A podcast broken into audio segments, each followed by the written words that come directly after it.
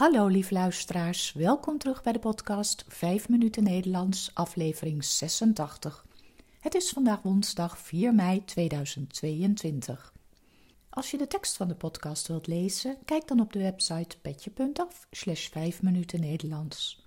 Als je de teksten van eerdere podcast wilt ontvangen of vragen hebt, stuur dan een e-mail naar 5minutennl@gmail.com. Mijn naam is Carolien, ik ben taaldocent op de universiteit en woon in Leiden. In deze podcast vertel ik iets over mijn leven, over wat ik de afgelopen dagen heb beleefd of iets over de Nederlandse taal en cultuur. Aflevering 86 Een vergistoerist. Vorige week woensdag was het Koningsdag en kon er weer als vanouds feest worden gevierd.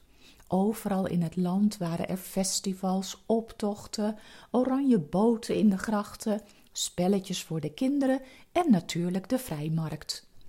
Op dinsdagavond werden er al plekjes gereserveerd. Kinderen of volwassenen gaven met stoepkrijt of tape op de grond aan welk plekje ze wilden reserveren. En op woensdagochtend heel vroeg kwamen de eerste karretjes met spullen aan. Sommigen zaten er al om zeven uur. Het is ideaal om van je oude spullen af te komen.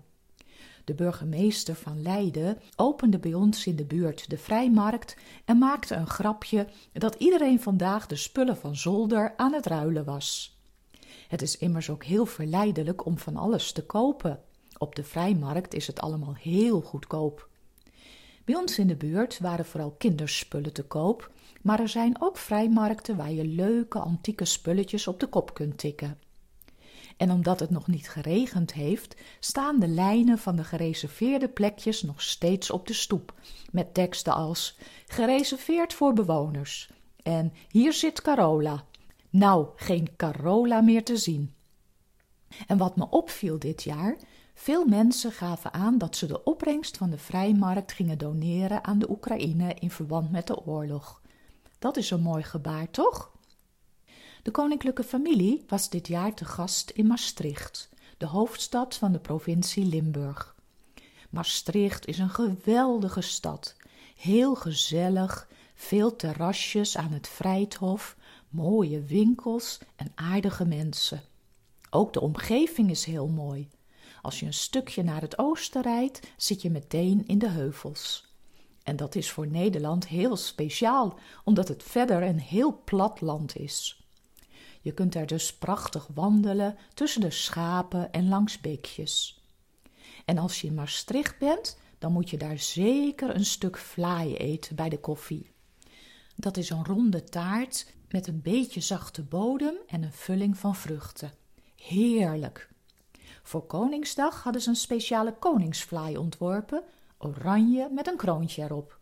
Ik heb de vlaai helaas niet geproefd, wij hebben traditiegetrouw een oranje tompoes gegeten.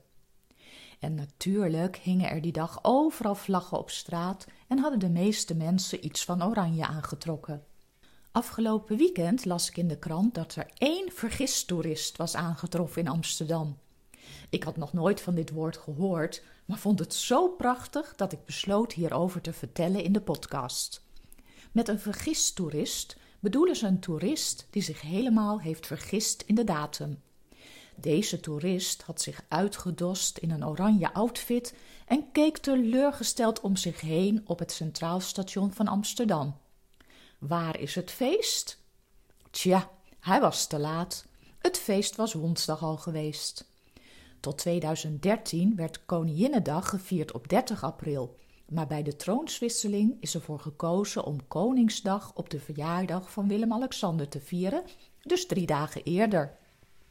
Als je een oude reisgids hebt liggen, kan het voorkomen dat de datum van 30 april er nog in staat. Zoals deze vergistoerist. Hij had overigens veel bekijks en mensen moesten erg om hem lachen. Gelukkig kon hij er zelf ook om lachen. En vandaag is het 4 mei, de dodenherdenking in Nederland.